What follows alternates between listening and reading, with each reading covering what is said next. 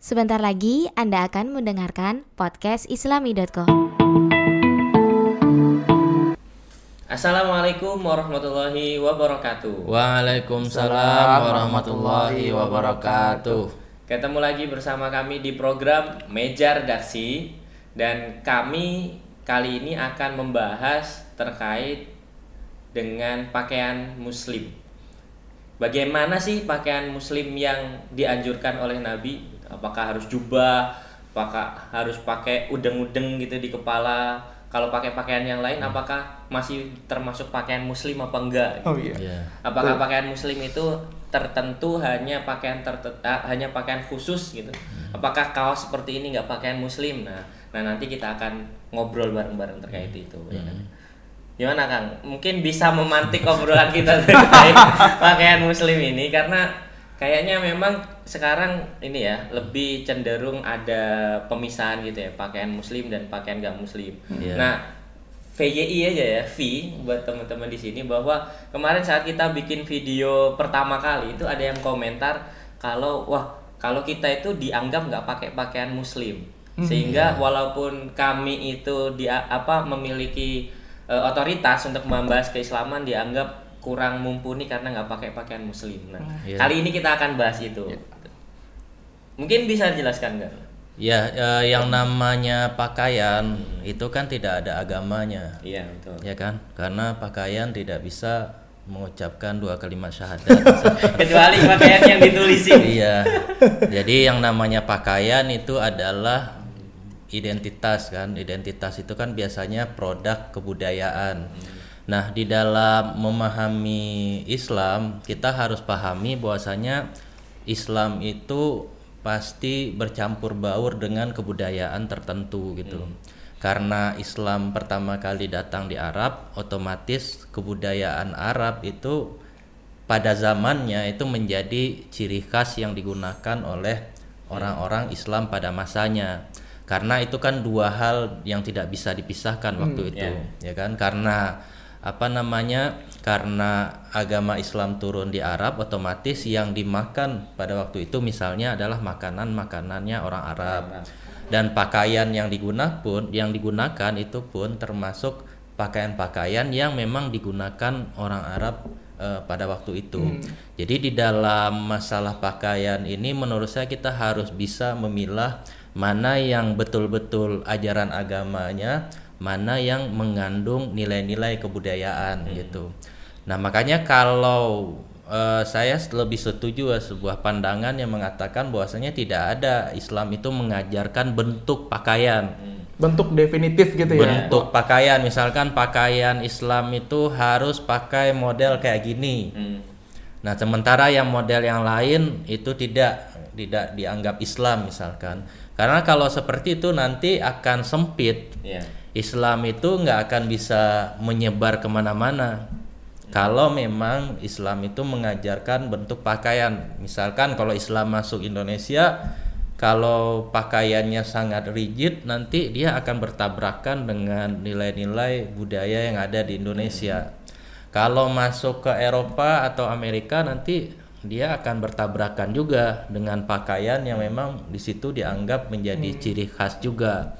Nah, makanya karena Islam itu tidak menawarkan bentuk formal tertentu terkait pakaian, makanya dia cocok. Iya. Makanya Islam itu dikatakan solih likuli zaman wal makan. Kenapa? Karena dia tidak menawarkan satu bentuk apa ya identitas yang rigid. Hmm. Jadi yang ditawarkan itu hanyalah nilai-nilai. Jadi kalau kita ngomongin terkait pakaian Islam itu mungkin maksudnya adalah pakaian yang sejalan dengan nilai-nilai dan substansi ajaran Islam. Nah, substansi ajaran Islam terkait pakaian itu kan eh, secara sederhananya tidak boleh terbuka auratnya. Jadi kalau kita laki-laki nih pakaian yang paling enggak harus tertutup auratnya. Kemudian dia tidak boleh apa namanya transparan. Jadi meskipun auratnya sudah tertutup tapi kalau bahan pakaiannya dari plastik Iya. misalkan apa namanya auratnya kelihatan itu percuma jas juga. hujan. ya kayak pakai jas hujan ya itu eh, percuma juga. Terus kalau bagi perempuan tidak ketat misalkan. Jadi kalau pakai pakaian menutup aurat kemudian di tra- apa namanya tidak transparan tapi kalau ketat ya berarti itu juga bisa melanggar nilai-nilai keislaman. Ketat Terus itu juga kenapa nggak boleh apa ketat ya itu memperlihatkan apa Lekuk namanya tubuh. Lekukan tubuh. lekukan tubuh ya mungkin karena kita hidup di masyarakat yang sebagian itu masih suka apa ya ngasih suka negatif melihat hal-hal itu ya itu harus dihindari juga kemudian juga sebagian ulama bilang yang nggak boleh itu juga pakaian yang menyerupai lawan jenis. Jadi laki-laki kita tidak boleh menggunakan pakaian yang menjadi ciri khasnya perempuan. Sebaliknya juga gitu. Itu aturan-aturan umum yang harus kita perhatikan di dalam pakaian. Jadi meskipun eh, apa namanya kita pakai pakaian kayak apa pun, misalkan kita pakai kaos, celana jeans kayak ini, kalau memang itu sudah sesuai dengan nilai-nilai tadi yang saya sebutkan, itu sudah bisa dikatakan sebagai pakaian Islam, gitu. Makanya eh, saya teringat ketika waktu itu di Darussunnah itu ada orang mualaf dari Prancis maksudnya dia Masuk pengen Islam. masuk Islam Oh baru ya, bukan mau masuk Baru mau Islam. Islam. Nah waktu itu yang mengislamkan kan almarhum Kiai Haji Ali Mustafa Yakub. Hmm. Nah orang Prancis ini waktu dia datang ke Darussunnah itu dia sudah pakai ini pakai Muslim gitulah apa namanya Pakai pakai Bagaimana tuh? ya pakai apa namanya pakai baju koko Baju yang batik. agak Yang terusan panjang, gitu? agak Oke. terus terus pakai peci nah terus eh, Pak Kiai bilang setelah diislamkan Pak Kiai bilang eh, yang kamu pakai ini bukan eh, bukan pakaian Islam maksud beliau itu pakaian Islam tuh nggak harus kayak gini Iya. Oh. Nah, karena kamu juga bisa sebagai orang Prancis pakai jas atau apa gitu juga Sesuai dengan sesuai dengan kebiasaan. kamu. Iya. Karena beliau kan juga pernah ke Amerika kan dakwah. Nah, yang beliau kritik pada waktu itu adalah kebanyakan pendakwah-pendakwah di sana kan kebanyakan dari India, Pakistan dan Bangladesh gitu kan. Hmm. Nah, mereka ke Amerika itu membawa Budaya kebudayaan mereka. mereka Oke. sehingga bagi masyarakat barat itu agak aneh gitu ya. agak weird. susah jadi dia harus masuk Islam tetapi di sisi lain dia Harus juga mengubah harus jati dirinya. mengubah identitasnya dia kesannya Islam itu harus seperti itu jadinya semakin berat makanya beliau bilang bahwasanya yang pakaian itu adalah produk eh, kebudayaan tertentu makanya si mualaf ini bahkan waktu itu kata eh, almarhum ya kamu juga nggak usah mengganti nama ya kalau Iya. memang nama yang dia pakai itu dalam bahasa Prancisnya juga bagus Artinya bagus. Oh, gitu iya. ya jadi nggak masalah gitu seolah-olah ka- kala karena seolah-olah sekarang itu di apa namanya orang mengatakan kalau nggak seperti muslim itu berarti ya atau menyerupai menyerupai orang selain muslim berarti dia orang non muslim gitu. Kan ya mengikuti hadis itu mantasyaba biqaumin fahuwa minhu. Dan itu kan pernah terjadi kan pada masa Belanda dulu. Kiai melarang pakai dasi pakai celana. Jadi eh, karena dikira kalau pakai celana, pakai dasi itu sesuai sama orang-orang Belanda yang notabene non muslim.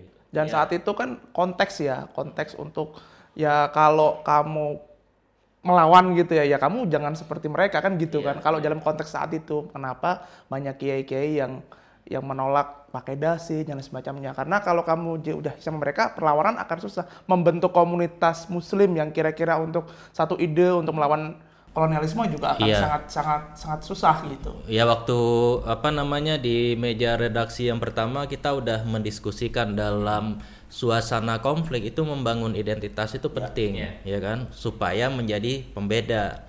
Ya bukan hanya konflik eh, apa namanya persoalan agama ya tapi dalam konflik kesukuan dan segala macam ya pembangunan identitas itu penting. Nah, makanya hadis mantasyabaha biqaumin itu kan lahir dalam konteks uh, konflik. Kita nggak bisa baca satu hadis itu aja. Mis- Hadis itu bisa kita pahami dengan membaca hadis yang lain. Misalkan Rasulullah pernah bilang kalau ada satu orang yang masuk ke perkampungan orang kafir misalkan kemudian dia tiba-tiba dibunuh di situ sama pasukan muslim, saya lepas tanggung jawab Iya. Artinya secara tidak langsung kalau kita ada di sana yang namanya wilayah konflik ya kan eh, apa namanya Based on pasukan muslim kan ya. nggak tahu based on pakaian luarnya Iya, Based jadi yang dilihat itu identitas. memang yang di luar. Nah, makanya mantasyabaha kaumin tuh ya kalau menurut Kiai Mustafa Yakub kan itu hadisnya ada juga yang bilang itu bermasalah.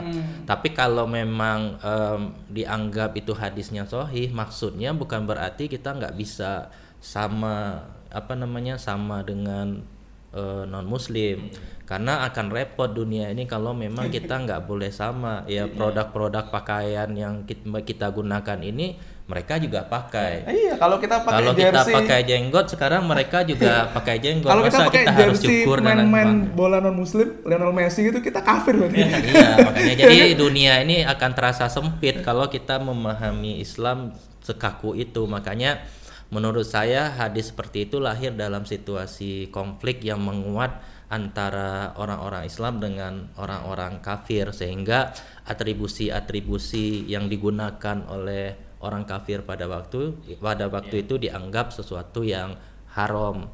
Haramnya ya karena nanti susah. Misalkan kalau kita pakai atribusi orang kafir terus lagi perang segala macam nanti dibunuh ya nanti yang salah juga kita sendiri gitu. Haramnya itu bukan dalam konteks ketika memakai pakaian itu langsung kita berdosa gitu ya, tetapi Ke- justru lebih pada membahayakan keamanan, diri kita iya. sendiri pada waktu itu gitu. Karena ketika kita pakai pakaian mereka ketika kita ketemu dengan te- teman kita sendiri malah kita yang dibunuh nanti Iya. karena posisinya konflik. Ya karena Rasulullah sendiri kan kalau kita cari nih pertanyaannya pakaian yang digunakan Rasulullah pada masa waktu itu produk mana nah ya karena kita tahu bangsa Arab itu adalah bangsa yang pindah-pindah kan, nomaden. bangsa pedagang. Mereka bukan bangsa yang produsen menghasilkan satu produk. nggak ada kita dengar pabrik pakaian di Mekah, Iya. di Madinah itu kan Apalagi perlintasan Iya jarang ya. kita dengar dalam hadis. Nah kalau di dalam beberapa hadis disebutkan pakaian yang digunakan Rasulullah itu Rasulullah pernah menggunakan pakaian jubah yang dibuat oleh orang Romawi. Kemudian beliau juga pernah menggunakan eh, saubun kitri atau apa namanya pakaian yang dari Qatar. Kemudian beliau pernah menggunakan al hibaroh hibaroh itu pakaian dari Yaman. Pada waktu itu Yaman dan Qatar kan bukan Islam. Iya. Maksudnya belum banyak Bu- yang bukan dalam wilayah Iya, muslim ya mereka maksudnya belum banyak menganut Islam juga pada waktu itu. Kemudian yang jelas-jelas itu pakai Rasulullah pernah menggunakan pakaian Romawi Iya. dan itu juga digunakan ketika uh, sholat bahkan gitu. Artinya karena pada waktu itu tidak ada yang bikin pakaian di Mekah dan Madinah ya otomatis orang-orang mengambil pakaian dari luar. Makanya saya memahami peradaban Rasulullah itu sebetulnya peradaban yang sangat terbuka. Karena tidak ada peradaban yang maju itu kalau dia tertutup dengan kebudayaan lain. Ya kita lihat dalam sejarah-sejarah peradaban dunia ya mereka berkembang itu apa namanya pasti terbuka terhadap eh, kebudayaan lain kan. Kita itu baru ngomong pakaian, belum kita nanya mata uangnya diproduksi di Iya. mana. Emang eh, pada masa waktu itu di masa Rasulullah di Mekah dan Madinah ada yang Iya. apa namanya memproduksi uang dinar dirham sendiri. sendiri. Nah, kan agak susah kita menemukan eh, fakta-fakta eh, sejarahnya seperti itu gitu. Makanya kan kalau dibilang bahwa sunnah Rasul itu pakai jubah, justru rom orang Romawi pada waktu itu udah pakai jubah, raja-rajanya itu kan pakai jubah. Iya. Bahkan kalau disebutkan kenapa muncul misalnya redaksi hadis eh, apa namanya eh, manjaro saubau huyala itu finar itu kan Iya. sebenarnya konteksnya karena Nabi melihat bagaimana orang Romawi itu kan apa jubahnya panjang sampai ke bawah-bawah gitu sedangkan masyarakatnya masih nggak pakai pakaian karena kain pada waktu itu Iya. mahal dan yang lain-lain kan misalnya berarti kalau kita menganggap bahwa jubah itu adalah sunnah karena meniru Nabi ternyata Nabi itu malah mengikuti orang Romawi gitu ya Ya pernah menggunakan pakaian Iya. orang Romawi, orang Yaman, pakaian Qatar. Tidak sekaku itulah. Iya, tidak Iya. sekaku itu. bahkan jubah itu juga bukan hanya eh, pakaian Nabi gitu maksudnya tetapi Iya. juga pakaian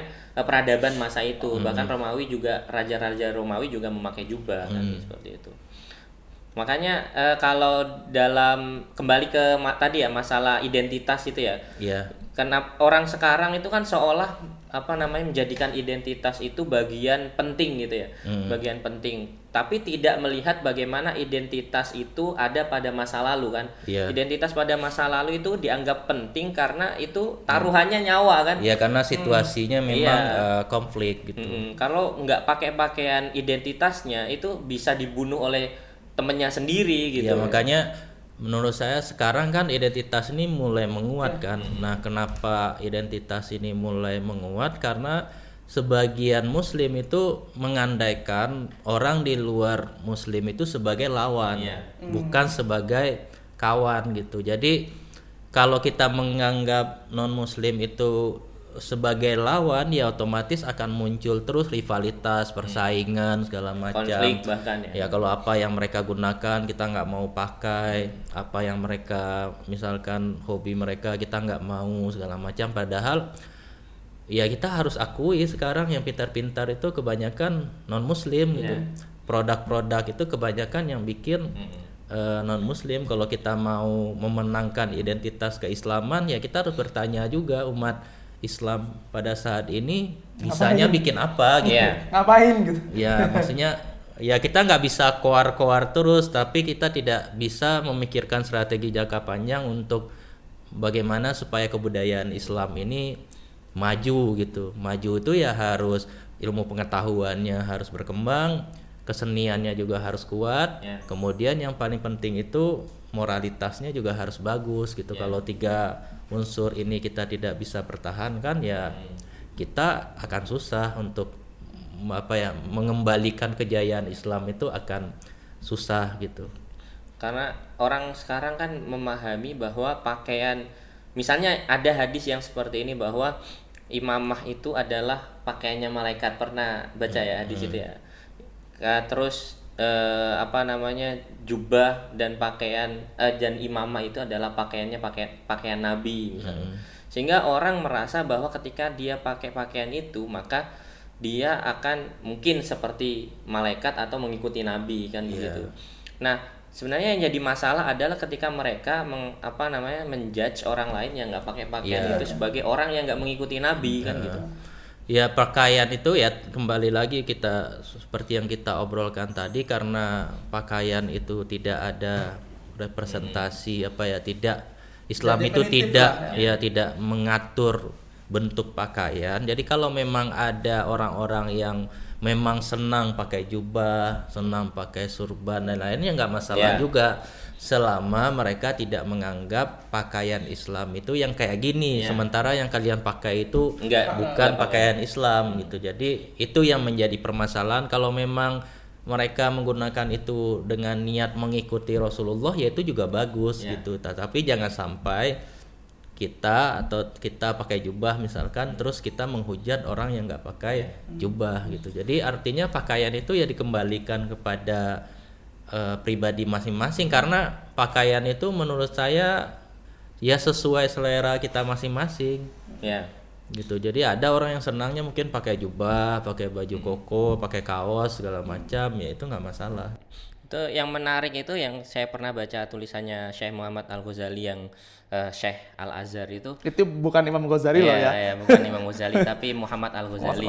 Nah itu dia bilang gini, justru ketika orang itu akan eh, apa namanya terlalu saklek dengan pakaian putih misalnya, dia nggak akan bisa bertahan di tempat lain. Misalnya ketika dia berada di eh, apa namanya kota atau lingkungan yang dingin misalnya, justru ketika dia pakai pakaian putih, terus pakai pakaian yang longgar jubah, dia akan eh, apa namanya sengsara sendiri gitu. Kata dia ya pakaian itu yang mengikuti daerahnya. Kalau kamu di da- daerah panas kemudian apa namanya daerah panas padang pasir ya pakai baju longgar baju warna putih. Itulah yang dipakai Nabi karena kondisi pada waktu itu seperti Ya, kondisi itu. geografisnya Iya, mendukung. kondisi eh, dan apa namanya musimnya juga mendukung. Tetapi kalau kamu di daerah kutub misalnya kamu pakai pakaian putih pakai longgar ya kamu mati gitu. Jadi menurut saya Al Ghazali ya benar tadi nggak ada pakaian yang Islami, pakaian Islam itu nggak ada, pakaian yang jadi simbol Islam itu nggak ada. Yang penting eh, apa namanya sesuai dengan tadi kriteria-kriteria itu tadi gitu kan. Bahkan dikatakan kalau misalnya nabi itu bisa jadi kalau nabi itu uh, diturunkan di daerah kutub, maka pakaian yang dipakai nabi bukan pakaian putih, tetapi pakaian kutub, pakaian apa? Ya, Bayangkan baju- kalau baju misal- ya, tebal. baju Tebal. tebal gitu ya. Seperti Viking gitu ya mungkin. ya. Bayangkan kalau Nabi pak diturunkan di daerah kutub, apakah kita juga harus di daerah tropis seperti ini? Apakah harus pakai pakaian itu juga? Karena itu sunnah Nabi kan nggak juga kata. Kalau kata Syekh Muhammad Ghazali gitu ya. Masuk akal sih. Nah, menurut kalian nih hal terburuk nih ya, hal terburuk ketika tadi Buya Henggi ngomong soal identitas yang menguat gitu, Hmm. lewat pakaian. Hal yang terburuk ak- akan apa? Ya hal yang terburuk yang paling sering eh, saya temuin di masyarakat itu adalah adanya klaim kalau misalkan kamu tidak pakai pakaian kayak saya ini berarti kamu itu belum Islam. Kamu neraka, Nah itu yang gitu. bikin eh, kacau di masyarakat. Jadi karena kan identitas itu adalah sesuatu yang bisa dilihat orang Ya. gitu kan. Jadi kalau dia ngelihat ada muslim yang tidak pakaian seperti yang dia pahami itu dianggap tidak Islam. Nah, bahkan yang ekstrim nih yang sangat ekstrim ada orang-orang yang misalkan mereka menganggap celana cingkrang itu bagian dari kesunahan misalkan. Ya saya tidak menyalahkan pandangan dia, ada dalilnya juga. Tapi yang bermasalah adalah ketika dia sholat itu yang dia lakukan pertama kali itu bukan melepaskan kepentingan-kepentingan dunia ketika Allahu Akbar, tapi dia ngelihat celana-celana orang dulu. Oh, Oke. Bahkan Kamu nggak cingkrang, keluar dulu. Jadi yang dia perhatikan itu nih cingkrang apa enggak. Aduh, aku sholat bersama Nah, orang-orang bahkan kafir eh, ini. saya pernah menemuin orang yang berkeyakinan bahwa kalau ada yang pakai celana cingkrang, dia nggak mau ikut jamaah sama dia karena dianggap sholatnya tidak sah. Ya. Menurut saya itu yang agak riskan kalau apa namanya di masyarakat karena nanti bakalan terjadi kekacauan gitu.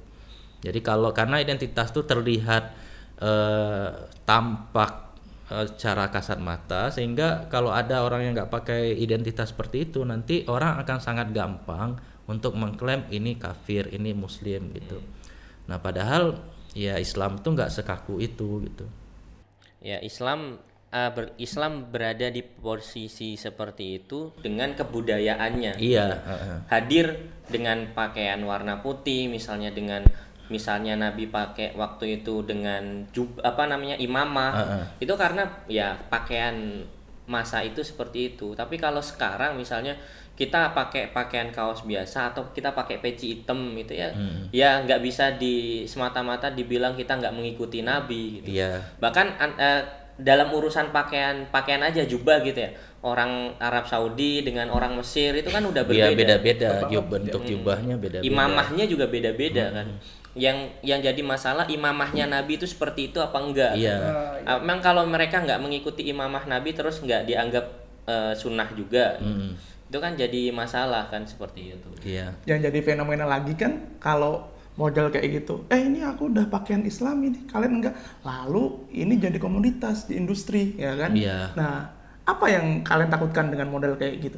Ya kalau soal eh, makanya saya nggak terlalu agak hati-hati juga menggunakan kata komoditas karena kan sebagian orang mengkritik oh kalau dia pakaian-pakaian kayak gini bikin pakaian muslim nanti ujungnya jualan gitu. Iya. Maksudnya saya memahami itu nggak kesesederhana itu. Betul. Jadi kalau ada teman-teman yang bilang oh karena mereka pakai cadar pakai ini buat kepentingan ekonomi doang ya menurut saya analisanya terlalu dangkal. Betul. kenapa? Karena ya itu setiap orang pasti butuh hidup Ya, juga. Jadi walaupun dia memang senang pakaian muslim yang dianggap dia muslim atau taruhlah yang gampang celana cingkrang. Kalau dia memahami itu bagian dari kesunahan terus dia jualan segala macam Monggo, ya problemnya di mana? Itu sama aja kayak kita nih santri suka pakai sarung. Iya. kan banyak juga pengusaha-pengusaha santri yang jualan sarung. Iya. Apa bedanya? Maksudnya jadi harus fair juga melihatnya. Makanya saya juga kurang senang kalau ada klaim misalkan meskipun saya nggak menganggap celana cingkrang itu sunnah tapi kalau ada teman-teman yang bilang oh mereka pakai celana sunnah buat jualan doang nanti produk-produk ini segala macam ya menurut saya analisanya terlalu sederhana. Karena ketika saya ketemu dengan orang-orang yang meyakini bahwasanya celana cingkrang itu apa namanya bagian dari kesunahan terus mereka menjual pakaian itu memang niatnya itu adalah ya dia ingin membantu orang lain supaya ikut sunnah nabi juga gitu. Ya sama kayak tadi kalau kita protes kayak gitu ya udah kita juga nggak usah jualan sarung dong nggak usah jualan peci. Menganggap peci itu bagian dari identitas Islam Indonesia ya jangan juga dong. Karena Fair, ya. nggak fair jadinya gitu. Jadi menurut saya kalau menganggap seperti itu terlalu sederhana sementara problemnya nggak sesederhana sesederhana itu kalau saya gitu Bahkan kalau misalnya nih eh, apa kita terlalu terlalu apa ya terlalu fanatik dengan pakaian kita sendiri gitu. Misalnya menganggap orang yang cingkrang itu malah eh, apa namanya malah jelek di mata kita. Justru kita sendiri yang salah. Ya, jadi kita menghakimi juga Hmm, kalau kita mengkritik mereka menghakimi pakaian kita ya kita gak boleh juga menghakimi pakaian mereka. Makanya kalau sama-sama mengerti perbedaan ini yaitu kita lebih enak gitu. Jadi tidak ada saling klaim gitu. Iya. Sah-sah saja kalau teman-teman mau bersarung kayak Iya. mau bercelana cingkrang kayak ya asal prinsip satu, kamu tidak menyalahkan yang lain. Iya, gitu. misalkan jangan juga karena sebagian santri ini kan kalau nggak pakai sarung nggak dianggap Betul. santri juga. Di kelompok Islam tradisionalis kan juga ada seperti itu. Saya juga pernah dulu apa namanya saya sholat nggak pakai peci, terus dilaporin ke sekolah karena dianggap saya ini apa namanya kalau nggak pakai peci dianggap Sholatnya nggak sah. sholatnya nggak sah dan segala macam. Itu kan ya di dua kubu ada Iya, aja yang ada sisi. saklek kayak gitu memahami Iya, identitas gitu. Bahkan kalau beberapa orang itu santri kok sholat pakai celana gitu ya. Padahal memang budayanya beda-beda. Kalau misalnya di di pesantrennya agak modern, misalnya kalau sholat ya pakai celana, bukan pakai sarung. gitu. Ya teman saya pernah KKN di masyarakat yang memang menganggap sholat itu pakai sarung dia pakai celana diobrolin sama masyarakat di sana gitu digibahin. digibahin gitu ya artinya ya eh, ada kekakuan-kekakuan seperti itu kan di setiap komunitas setiap masyarakat atau setiap ormas itu kan ada gitu Padahal kalau kita hidup di urban eh, sebenarnya harus lebih simpel sih. Iya. Saya misalnya kalau ke jalan gitu ya ke mall atau apa lebih sering pakai celana pendek tapi di tas biasanya ya ya ada Iya, ada sarung, sarung. gitu misalnya gitu, cuman kan kayak gitu ya nggak perlu kita share ke banyak orang gitu bisa dan seperti itu banyak banget aku ketemu teman-teman santri yang di kota dan mungkin juga teman-teman yang bercelana cingkrang juga melakukan hal yang sama mungkin mereka punya sarung di rumah kan Iya. kita nggak tahu misalnya kayak gitu Iya. Karena kalau kita pakai sarung juga pasti di atas mata kaki, nggak isbal juga. ya kalau isbal ketarik-tarik kita jatuh gitu atau sarungnya melorot. Iya, merepotkan diri sendiri. Ya Jadi permasalahan isbal atau nggak isbal itu kan sebenarnya pada kenyamanan ya. Kenyamanan menggunakan. Kalau misalnya kita pakai sarung kan nggak kita juga nggak pakai nggak bakalan pakai sarung sampai di atas mat, eh di bawah mata kaki kan. Kalau kita pakai sarung di bawah mata kaki itu tadi kalau nggak melorot kita sendiri yang jatuh. Keinjek Keinjek. ya gitu. Tapi mungkin dari beberapa eh, tadi ya diskusi kita menurut saya yang paling penting itu adalah kepantasan sih sebagaimana yang disebutkan oleh beberapa ulama ya. Bahkan eh, eh, saya pernah dengar ceramahnya Ustadz Adi Hidayat itu juga mengatakan demikian. Ya terserah anda eh, sehari-harinya pakai celana cingkrang beliau bilang begitu. Tetapi yang paling penting ya kalau kerja ya pakai pakaian ke- kerja PN bapak PNS ya pakai celana biasa aja nggak usah terlalu cingkrang ngatungnya ke atas juga. Yang penting itu sesuai kepatasan gitu. Kalau bapak suka pakai jubah ya pas waktu kerja ya jangan pakai jubah lah gitu. Pakai jubah ya ya udah di rumah atau pas waktu sholat kan seperti itu. Ya jadi kita harus menunjukkan Islam itu memang agama yang normal ke orang-orang. Jadi jangan sampai dinamis lah ya. sebagai seorang muslim nanti membuat orang lain itu takut Iya. masuk Islam. Ya karena memang mungkin ada yang beralasan kenapa dia seperti itu karena Islam itu dulunya dianggap aneh kemudian nanti dianggap aneh juga. Iya. Nah, sehingga mereka membuat keanehan-keanehan yang dianggap orang itu sebagai sesuatu yang asing. Semakin asing, mereka semakin bangga karena dianggap memahami Islam secara kafah gitu. Padahal dulu Rasulullah kan yang dianggap aneh pada waktu itu adalah kan ajarannya. Tetapi dalam hal-hal lain kan Rasulullah juga mengikuti kebudayaan yang berkembang pada waktu itu. Rasulullah ya makan seperti halnya Iya. apa namanya Orang Arab orang biasa. Arab pada waktu itu nggak ada beliau meskipun di sono orang Menciptakan banyak makanan sendiri. kurma, dia menciptakan makanan sendiri kan nggak Iya. pakaian pun juga kayak gitu dia Rasulullah nggak bikin pakaian sendiri yang berbeda Iya. dengan orang lain kan nggak walaupun ada modifikasinya karena tadi persoalan eh, konflik itu tapi kan itu modifikasi yang bukan modifikasi secara utuh Iya. kan tapi modifikasi ya minor lah Iya. misalkan ya kalau orang itu kafir pakai eh, apa namanya surban ya orang Islam itu surban apa imamahnya ada apa namanya Pembeda ada gitu ya. pecinya biar menjadi pembeda gitu bukan berarti surbannya Rasulullah bikin versi baru juga kan enggak gitu pasti karena itu terkait dengan produk kebudayaan jadi yang dimanfaatkan adalah kebudayaan-kebudayaan yang berkembang pada waktu itu Ya, kayak sama kayak seperti anjuran Rasul untuk memanjangkan jenggot tapi enggak apa namanya tapi mencukur kumis gitu. Karena kan orang pada waktu orang Yahudi kan kumisnya panjang misalnya. Jenggotnya panjang. Jadi untuk membedakan ya udahlah Islam nggak nggak usah apa namanya pakai kumis gitu. Biar kelihatan kalau lagi lagi perang karena pada waktu itu perang biar kelihatan ini muslim memang enggak nih gitu. Jadi konteks pada waktu itu juga harus difahami dalam melihat eh, teks-teks terkait dengan pakaian gitu ya. Jadi gini juga Buya Hengki sama Alvin gitu. Jadi temanku kemarin cerita nih gitu. Jadi dia dapat broadcast gitu kan. Kebetulan kami dekat lah teman nongkrong main bola gitu ya. Dulu nih sebelum pandemi main bola. Sekarang boro-boro. nah dia cerita gini, eh gue nggak boleh pakai celana pendek ini katanya. Katanya ini temennya temennya gitu lah ya broadcast namanya broadcast. Nggak boleh celana pendek karena celana pendek ini aurat gitu. Itu itu satu. Itu nggak apa-apa lah gue kan, kan karena main bola bisa diakalin dah. Nah yang kedua yang yang krusial nih soal celana cingkrang dan isbal gitu. Jadi dia bilang "Eh, kamu ya mungkin nanti akan masuk surga deh. Tapi nggak tahu nih sok-sokan katanya gitu. Itu sebenarnya gimana sih? Ya itu ada dalilnya masing-masing ya. Bag- eh, dalil yang mela- apa ya yang terkait celana cingkrang itu juga ada. Tetapi dalil yang terkait kita pakai apa celana seperti yang kita pakai ini apa maksudnya kainnya melebihi mata kaki itu juga ada. Jadi dalil yang pertama kan Rasulullah melarang apa namanya orang pada waktu itu menggunakan celana yang melebihi mata, kaki.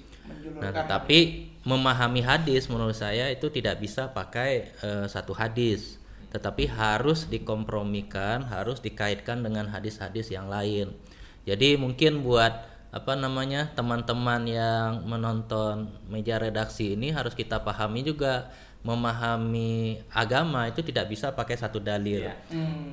Karena misalkan gini, dalil wajib sholat itu kira-kira apa? Ya, musola. Nah, kalau kita katakan dalil kewajiban sholat itu adalah cuman akimu sholat, pertanyaan saya, mana kata-kata wajib? Kok bisa s- kesimpulan hukum wajib di situ? Akimu itu kan fi'il amar, tapi kan fi'il amar bisa banyak makna. Misalkan ada yang amar bermakna wajib, ada amar yang kata perintah yang wajib, ada juga kata perintah yang menunjukkan tidak wajib.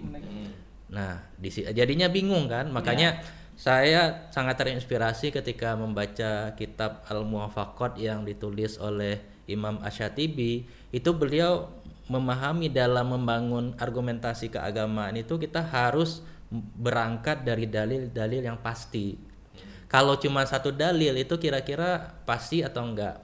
Kalau kita membuktikan suatu apa ya, sesuatu temuan ini ilmiah atau tidak ilmiah, itu kan harus banyak argumentasi Ya, kan. dan Semakin berkali-kali, argumentasinya kuat, maka temuannya semakin mendekati kepada kepastian.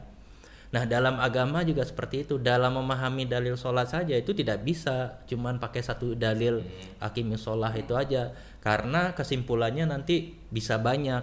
Apalagi itu kan bahasa Arab. Ya. Pemahaman orang bisa beda-beda. Sholat itu yang dimaksud sholat yang kayak kita tadi atau sholat dalam bermakna doa. Sholawat atau sholawat. Nah, atau salawat segala macam itu kan bisa banyak multitafsir. Makanya menurut beliau memahami satu dalil itu tidak cukup, harus dikomparasikan dengan dalil-dalil yang lain. Ya. Kesimpulan sholat itu wajib bukan karena satu dalil itu aja, tapi karena ada hadis-hadis yang Rasulullah itu mengancam orang-orang yang nggak sholat dan lain-lain dan kemudian Rasulullah itu secara praktek kehidupannya memang sholat Secara rutin. waktu setiap hari. Karena kalau nggak rutin berarti itu Nggak wajib. sunnah. Makanya Rasulullah kan beberapa ibadah kayak sholat Taraweh. taraweh. Itu kan beliau nggak rutin. Supaya apa? Supaya orang nggak nganggap itu sebagai suatu kewajiban. nah kembali ke dalil celana cingkrang tadi harus kayak gitu juga. Jadi mengumpulkan hadis dalam satu tema kalau istilah apa namanya kalau kita belajar metode pemahaman hadis gitu ya. Jadi mengumpulkan semua teks-teks hadis itu dalam satu tema tertentu. Kalau kita ngomongin soal celana cingkrang, kita kumpulkan semua dalilnya, baru kita ambil apa namanya kesimpulan hukumnya. Nah, setelah diperhatikan dari beberapa dalil, ada memang dalil yang melarang tapi juga ada dalil yang membolehkan yang kisah apa namanya sahabat Abu Bakar itu kan beliau apa namanya menggunakan celana yang melebihi mata kaki. Dia nanya kepada Rasulullah Rasul ini kayak gini gimana? Ya kamu sombong apa enggak? Ya enggak. Ya udah nggak apa-apa. Jadi semangatnya di situ sebetulnya adalah kenapa tidak boleh menggunakan celana melebihi mata kaki? Karena ada kesombongan. Jadi pada waktu itu orang yang menggunakan pakaian berlebihan itu dianggap sombong. Karena lagi-lagi masa itu kan pakaian nggak semudah inilah sekarang. sebagai strata sosial Iya, gitu ya. pakaian yang dulu kalau kita lihat di film-film kan kalau raja-raja atau ratu-ratunya kan pakaiannya bisa iya. bisa panjang Sampai dipegangin macam, gitu ya. sampai dipegangin itu kan sementara yang serata sosialnya tidak terlalu tinggi itu menggunakan pakaian yang seadanya aja. Nah, saking susahnya pakaian pada waktu itu eh, dalam hadis yang lain disebutkan kalau sahabat itu Gantian kalau mau istrinya. sholat ada yang gantian, ada juga yang mereka menggunakan sarung seperti halnya orang sunat Hmm. Eh, anak-anak kecil sunat itu apa namanya sarungnya diikat. Ah, Nah makanya waktu itu ketika mereka sujud itu yang perempuan nggak boleh bangun duluan harus nunggu laki-laki. Karena ngelihat Iya auratnya. karena kalau perempuannya bangun apa duluan itu aurat yang laki-lakinya kelihatan. Yaitu gambaran dari saking susahnya pakaian Pada eh, waktu pada waktu itu. Makanya semangat hadis larangan eh, celana melebihi mata kaki atau menggunakan pakaian celana cingkrang itu menurut saya semangatnya itu. Pertama terkait dengan kesombongan. Yang kedua karena pakaian pada waktu itu memang susah sehingga kalau ada yang berlebihan dalam menggunakan pakaian itu dianggap ya kayak mubazir atau sombong nggak ngerti nggak ngerti orang lain gitu.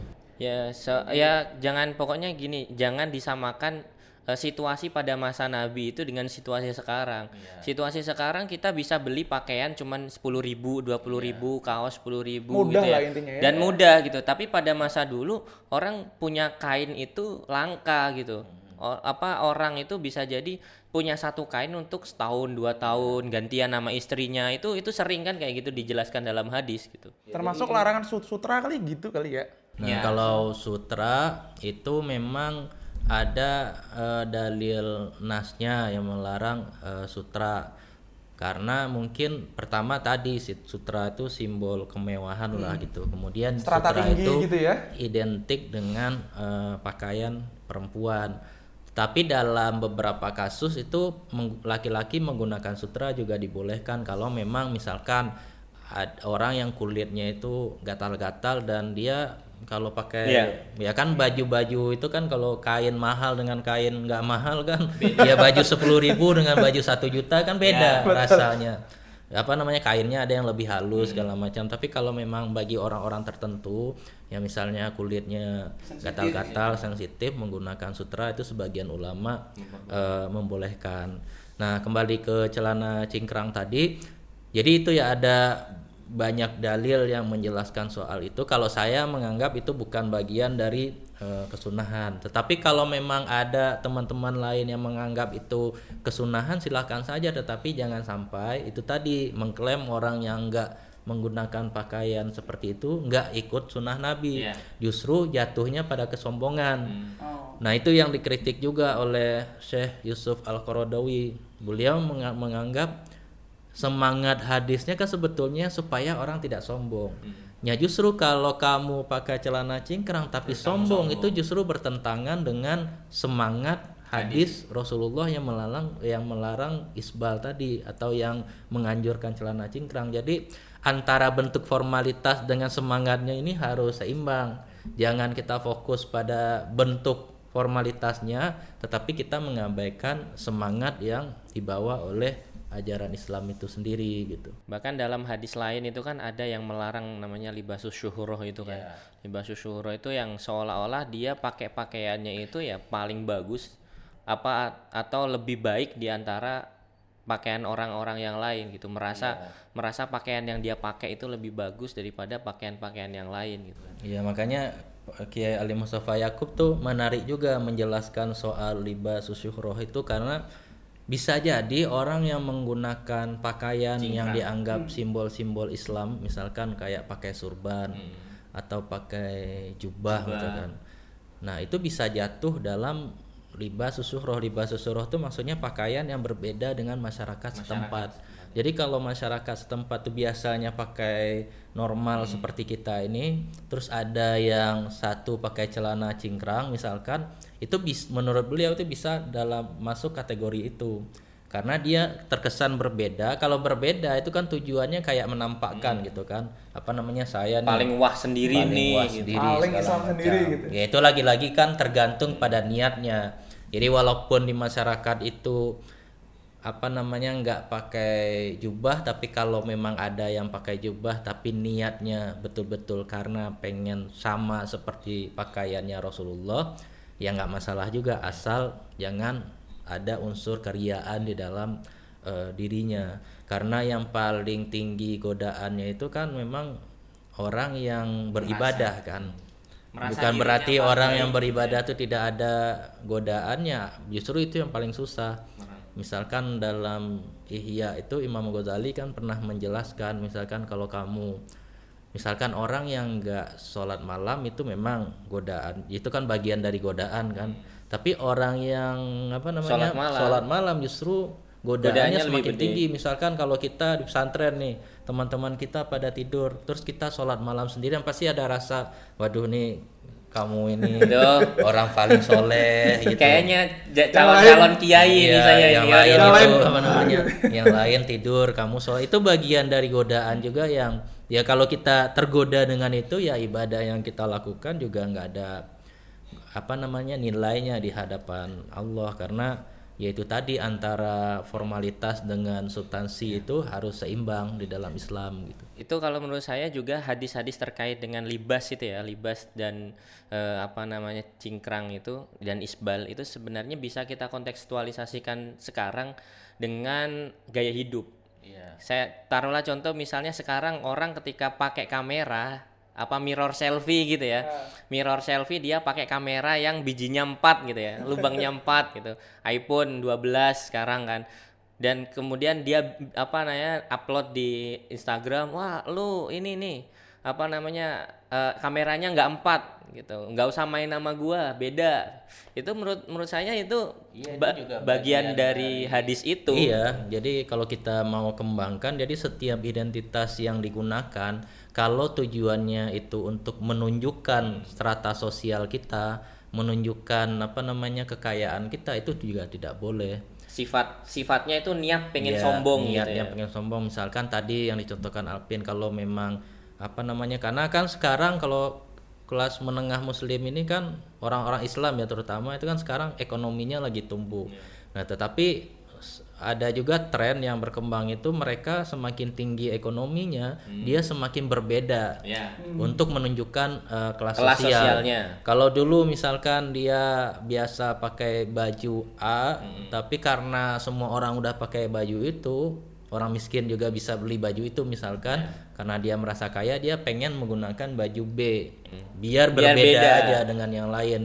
Ya kalau memang tujuannya berbeda itu karena sombong dan sebagainya, ya itu juga masuk dalam hadis yang dikatakan Rasulullah tadi kita nggak boleh eh, sombong gitu. Jadi ini bukan berarti kita melarang teman-teman untuk beli beli apa HP yang kameranya 4 itu ya. Ya silakan beli tetapi jangan sampai bilang kepada orang lain bahwa orang yang nggak punya HP seperti itu nggak bisa temenan gitu. Jadi sebenarnya konsep pakaian Islam itu sebenarnya nggak terlalu ya gimana gitu ya. Ya tadi yang seperti yang kita sudah singgung di awal tadi, kalau yang dimaksud pakaian Islami itu adalah pakaian dalam bentuk format tertentu, yaitu nggak ada. Nah, tetapi kalau yang dimaksud pakaian Islami itu adalah pakaian yang sejalan dengan nilai-nilai Islam, itu benar.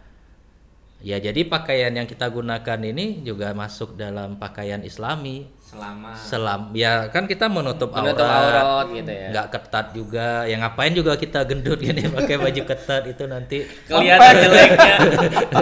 Jadi kemudian juga apa namanya juga nggak menyerupai lawan jenis ya kalau sudah memang eh, mencakup nilai-nilai etika berpakaian tadi ya kita bisa sebut juga nih pakaian kita ini pakaian Islami. Makanya mungkin label eh, ini pakaian Islam tidak Islam itu juga masalahnya nanti di situ karena ada saling klaim Ya, eh, model pakaian eh, tertentu. Ya nanti kalau saingan bisnis kan juga jelek kan. Jadi kalau ya ini dianggap pakaian Islam sementara yang lain nggak dianggap Ya. Islam nanti juga merugikan orang-orang yang jualan kaos misalkan gitu. Jadi makanya mungkin ada juga yang mengkritik penggunaan eh, istilah-istilah itu juga harus hati-hati dalam konteks bisnis mungkin ya supaya persaingannya secara sehat, Sehat lah. lah, gitu. Jadi kalau bisnis ya bisnis jangan bawa-bawa agama di Iya. situ biar saingannya sehat. Atau gini aja kalau mau bisnis kaos gitu apa biar dianggap pakaian islami sablonannya pakaian islami